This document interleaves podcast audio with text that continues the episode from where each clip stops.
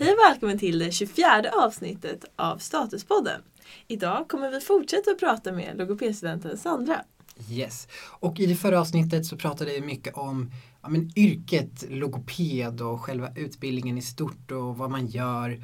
Och nu tänkte vi prata lite bredare, men kurser, hur är det att studera på KI som universitet och ja, men lite sånt smått och gott.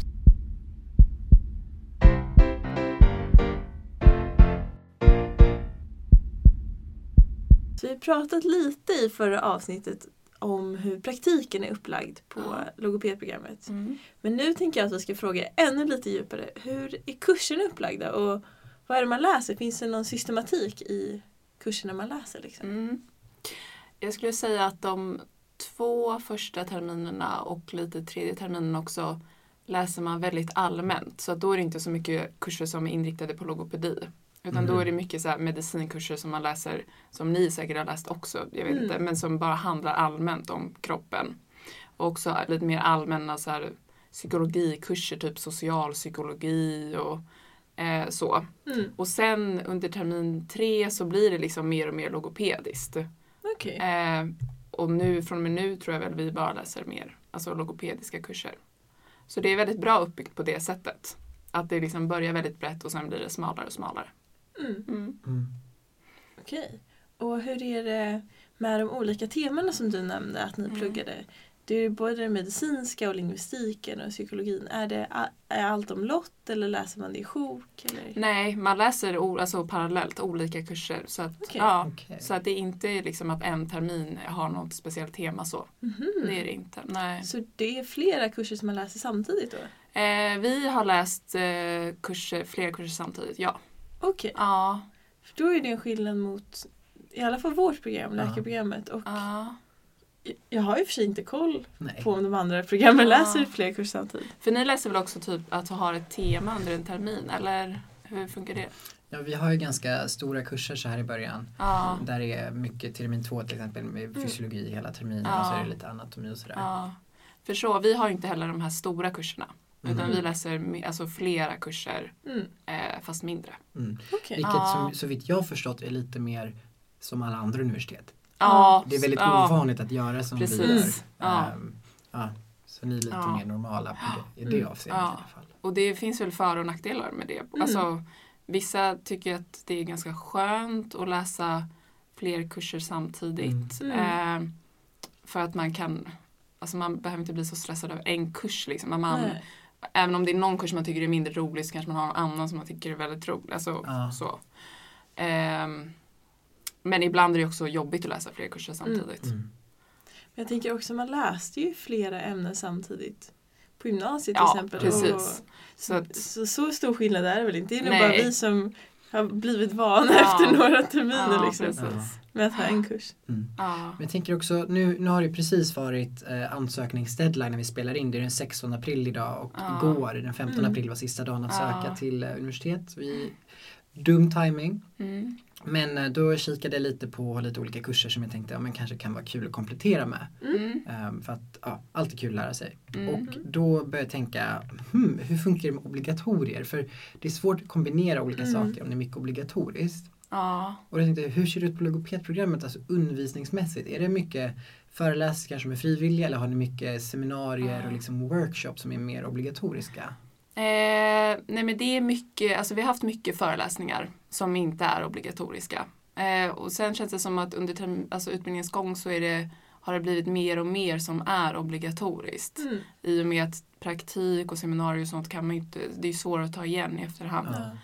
Ehm, så men, det, men jag skulle absolut säga att det är väldigt flexibelt. Alltså Mm. man har kunnat styra mycket över sin egen tid. Om det är någon föreläsning man inte vill gå på så har man kunnat hoppa den, absolut. Mm. Så det är ju skönt. Ja precis, Mm. det har jag ju märkt. För vi har verkligen gått nästan från att ha jättemycket som vi Mm. kan styra själva Ja. till på bara några dagar ha obligatoriskt nästan varje dag. Ja. Även fast jag brukade gå på de flesta föreläsningar Ja. så är det lite Visst. annorlunda att ha Mm. kravet på sig så att Mm. säga. Mm.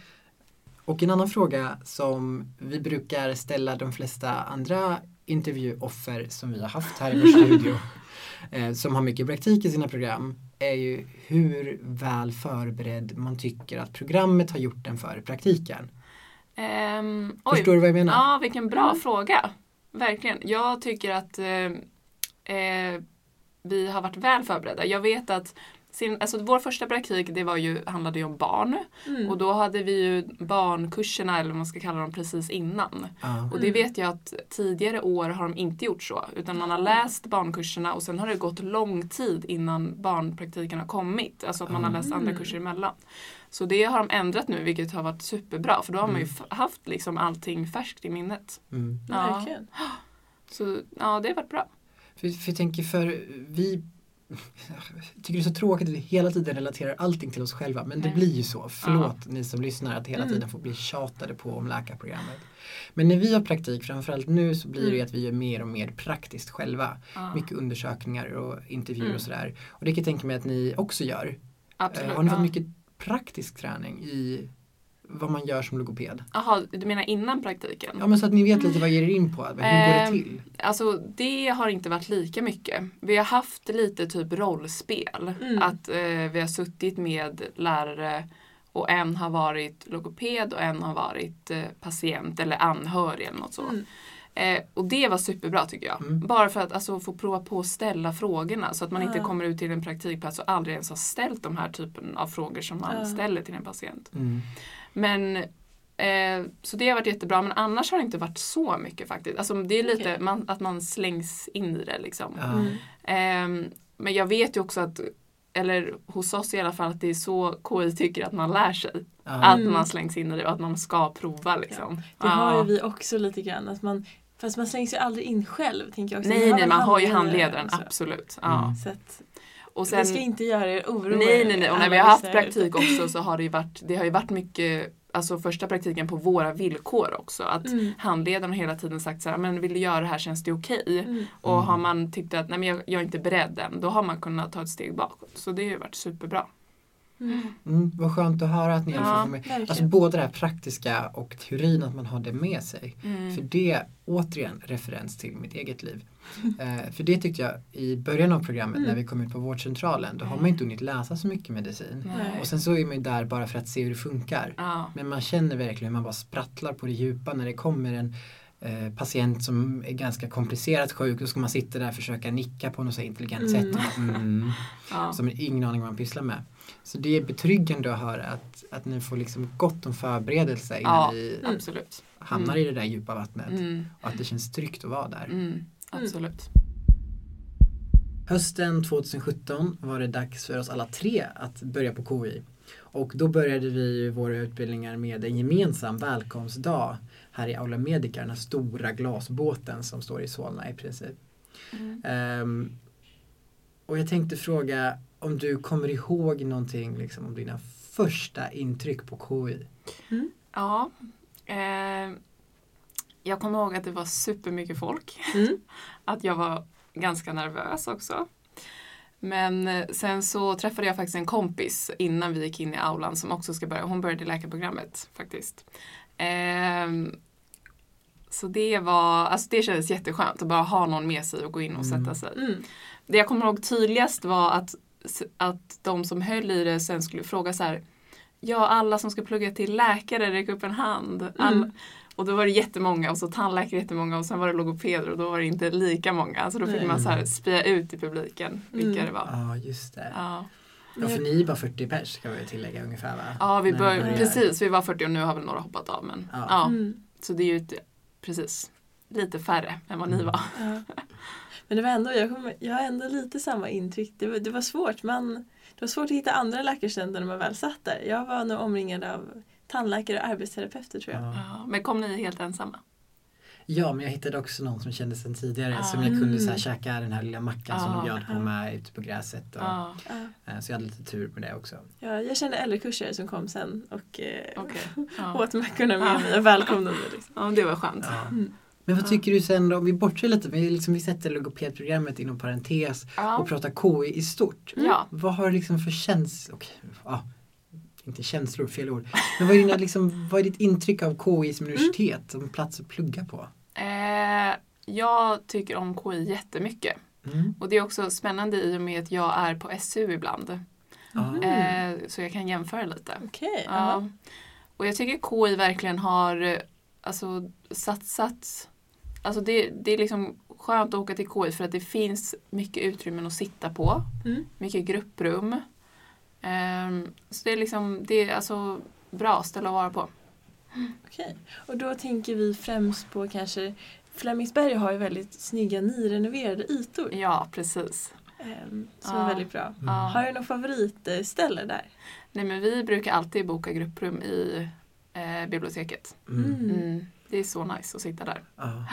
Men alltså jag var runt på olika ställen i Flemingsberg för jag har ju blivit placerad Mm. som en sjukhusplacering där. Ja. Eh, över på KI-sidan och insåg att det finns ju så mycket mer än vad jag trodde som är helt nytt. Ja. Mm. Alltså Mm. det är verkligen, man bara öppnar en dörr och man bara aha, Mm. här var det fullt med föreläsningssalar Mm, och mm, grupprum mm. och ja det är en jättehäftig upplevelse. ja, jag tror det är jättemånga områden som jag inte ens har varit på. Mm. För att jag ser så här bilder ibland från eh, KI Flemingsberg och bara, "Ha, där har jag aldrig varit. Mm. Ja. Så det är stort. Ja för man tänker ju Huddinge sjukhus där Flemingsberg, liksom Mm. campus Flemingsberg Ja. ligger i anslutning till.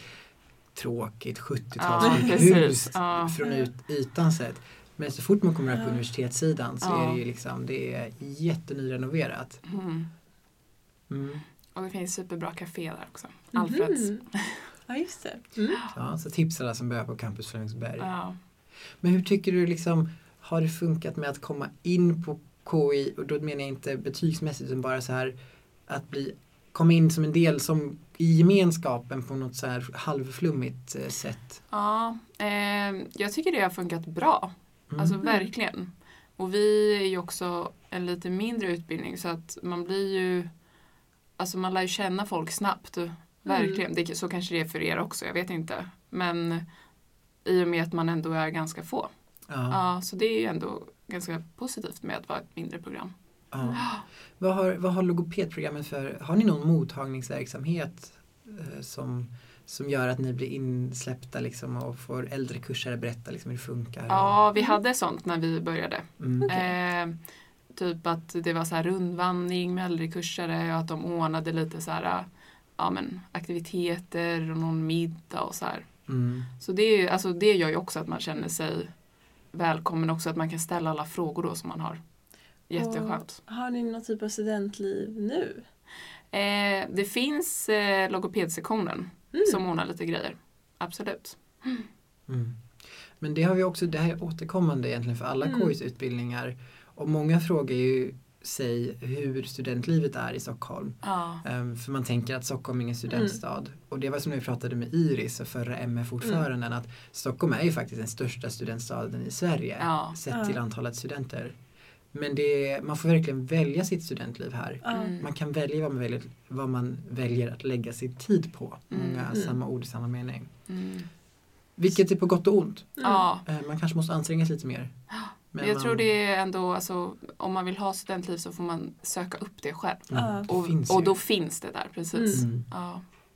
Ja, framförallt i Flemingsberg pratar du om lite Mm. men Södertörn finns ju där, de har jätteregelbundet. Vi Ja. har Mm. KTH. Ja, Eh, Det finns mycket där som har Röda studentliv. Korset också.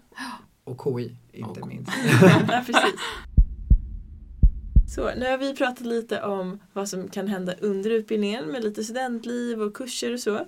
Och då tänkte jag att då kommer vi ganska naturligt in på slutet av utbildningen. Mm. Så hur är det? Vad händer efter man gått på logopedprogrammet? Hur ser arbetsmarknaden ut? Vad, vad kan man välja på? Vi snuddat lite vid vart man kan jobba Mm. och med vad. Mm. Men hur ser liksom arbetsmöjligheterna ut rent samhällsmässigt? Eh, de är bra. Jag var faktiskt inne på Saco och läste lite. Mm. Eh, och de eh, säger att det är en balanserad arbetsmarknad. Okej. Vilket är bra. Så Mm. att eh, alltså, man får jobb efter utbildningen. Ja. och det är ju superskönt att veta. Verkligen. Och jag träffade också en tjej som eh, gick ut för något år sedan och Mm. hon sa att alltså, alla i hennes klass hade jobb. Gud vad skönt. Så det, ja, det var verkligen jätteskönt att höra. Mm. För det kan ju vara en av de stora orosmolnen som man har med sig under Mm. utbildningen. För att det är många utbildningar nu som har väldigt högt tryck efteråt Mm. på Mm. arbetsmarknaden. Och då får man verkligen ja, men, kämpa lite extra för att se till att man faktiskt får ett jobb. Mm. Men det kan vara väldigt tryggt, just som du sa med vårdyrken, att Mm. de behövs ju alltid. Mm. Jag tycker det känns så skönt. Mm. Ja. och veta att man inte kommer gå liksom flera år utan jobb utan att man bara liksom man kan söka och sen så till slut kommer man absolut få ett jobb som man Mm, trivs med och tycker om. Mm. precis. Och vet du hur det ser ut lönemässigt då? Mm, ja, sist jag tittade så, om jag minns rätt, så var ingångslönen på 31 000. Okej. Ja, Mm. så det är bra. Och Det är det, bra. det är faktiskt högre än AT-lönerna i många Mm. eh, regioner som det Ja. heter för läkare. Mm, verkligen. Mm. Ehm, och sen om man får fråga lite, nu har inte jag jättebra koll på själva programmet egentligen.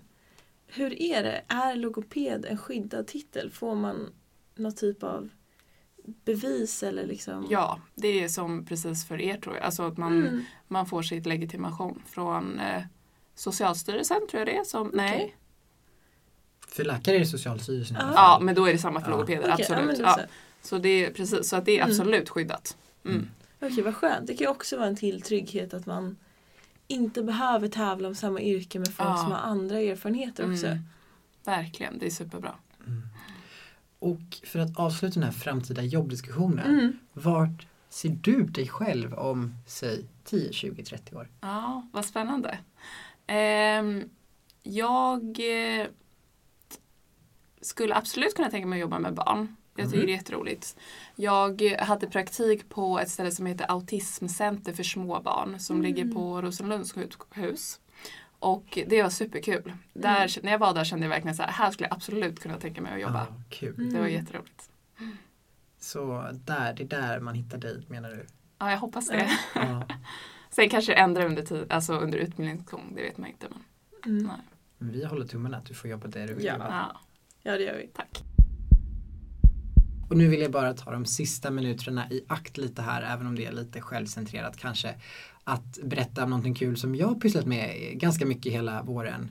Eh, Det finns nämligen eh, två olika spex här på KI eh, och ett damspex och ett herrspex. Och nu på höstvåren är det ju faktiskt är det herrspexet som sätter upp en föreställning.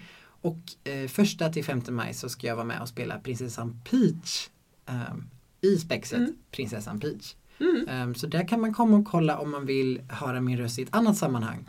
Mm. Men jag tänkte passa på nu när vi har proffs i studion. Ja. Du, vi pratade om att ni jobbar mycket med uttal och Mm. artikulation och det är ju viktigt om man står på scen. Mm. Precis, så vad, vad är dina största tips för vad Timo ska tänka på nu om han vill få sin röst genom hela teatern så att alla hör? Ja, jag tycker du ska tänka på att eh, försöka ha bra hållning. Mm. Eh, försöka liksom slappna av i axlarna så att man inte står spänd. För att då kan ju Mm. rösten bli påverkad. Mm. Också för liksom försöka öppna upp bröstkorgen så att du verkligen får ut ett bra luft, luftflöde. Ja. Så att din röst verkligen kommer fram. Jag får tänka på det för jag ska ju spela kvinna så jag har fått Mm. lära mig att Ah, jag måste okej. liksom naturligt skjuta fram bröstkorgen lite för att Ja, få en det- lite mer eh, feminin hållning då om man Mm. ska säga så. ja. Men det Mm. kan nog vara bra. Kul. Ja, det vill se om jag lyckas eh, uttala alla repliker tydligt så att Ja. alla hör. Eh, Ja, det ska nog gå jättebra. Ja, det tror jag också. ja. Men eh, nog om spexet eh, i alla fall. Eh, Mm. Vi tänkte avsluta med veckans tips igen det här avsnittet. Så vi får två tips från dig Sandra. Ja. Mm. Då är mitt tips att om man är sugen på logopedprogrammet men inte vet så mycket om det så kan man mejla till eh, studievägledaren på KI och be om att få skugga en student. Mm. Och då parar eh, KI ihop en med en student som går på logopedprogrammet så kan man följa med under en dag eller en Mhm. halv dag. Och se, alltså besöka KI och se lite vad som händer. Mm. Och är man bunden till någonting liksom, om man då skuggar en student? Absolut det, inte. Nej. Det är bara att Mm. och komma. Ja, Så man är nyfiken liksom? Ja. Det är verkligen en superbra möjlighet för att få reda på lite mer. Då kan man ju också ställa alla sina frågor till den studenten som man träffar. Mm. Mm. Bra tips! Jättebra. Och eh, fick man inte nog av dig Sandra i de här 40 minuterna så kan man ju gå in på din blogg Mm. Mm. blogg.ki.se KI-studenten Sandra. Yes. Men vi länkar till den som sagt i Mm. avsnittsbeskrivningen och man kan ju hitta den på ki.se och så klickar man sig vidare till logopedprogrammet så dyker det upp där. Och har ni några fler frågor till Statuspodden, alltså mig och Timo, eller kanske till Sandra som vi kan vidarebefordra, så kan man nå oss via mail på podcast.ki.se och då är det podcast med ett D. Yes. Eller så kan man gå in på vår blogg som är blogg.ki.se statuspodden och där kan man lämna kommentarer eller skicka en liten fråga via ett formulär. Och i nästa avsnitt av Statuspodden så har vi en väldigt spännande och minst sagt celeber gäst, eller hur Irene? Ja, vi ska träffa Annika Östman Wernersson som är dekan för utbildning och även vice rektor här på KI. Yes. Eh, Och vi kommer prata med henne i två hela avsnitt precis som vanligt. Och det kommer bli jättespännande om liksom KIs framtid, om Mm. hur man liksom fulländar utbildning. För det är det de jobbar med. Jag Ja. säger inte att det är fulländat nu, men de jobbar mot det. Mm. Eh, Så är man intresserad av det så ska man absolut in och lyssna. Och har man frågor till henne så ska man absolut in och mejla oss. Så att vi Mm. hinner ställa dem. Och med det så vill jag bara säga att det här var Timo. Det här var Irene. Och Sandra? Och, Och du har lyssnat på Statuspodden.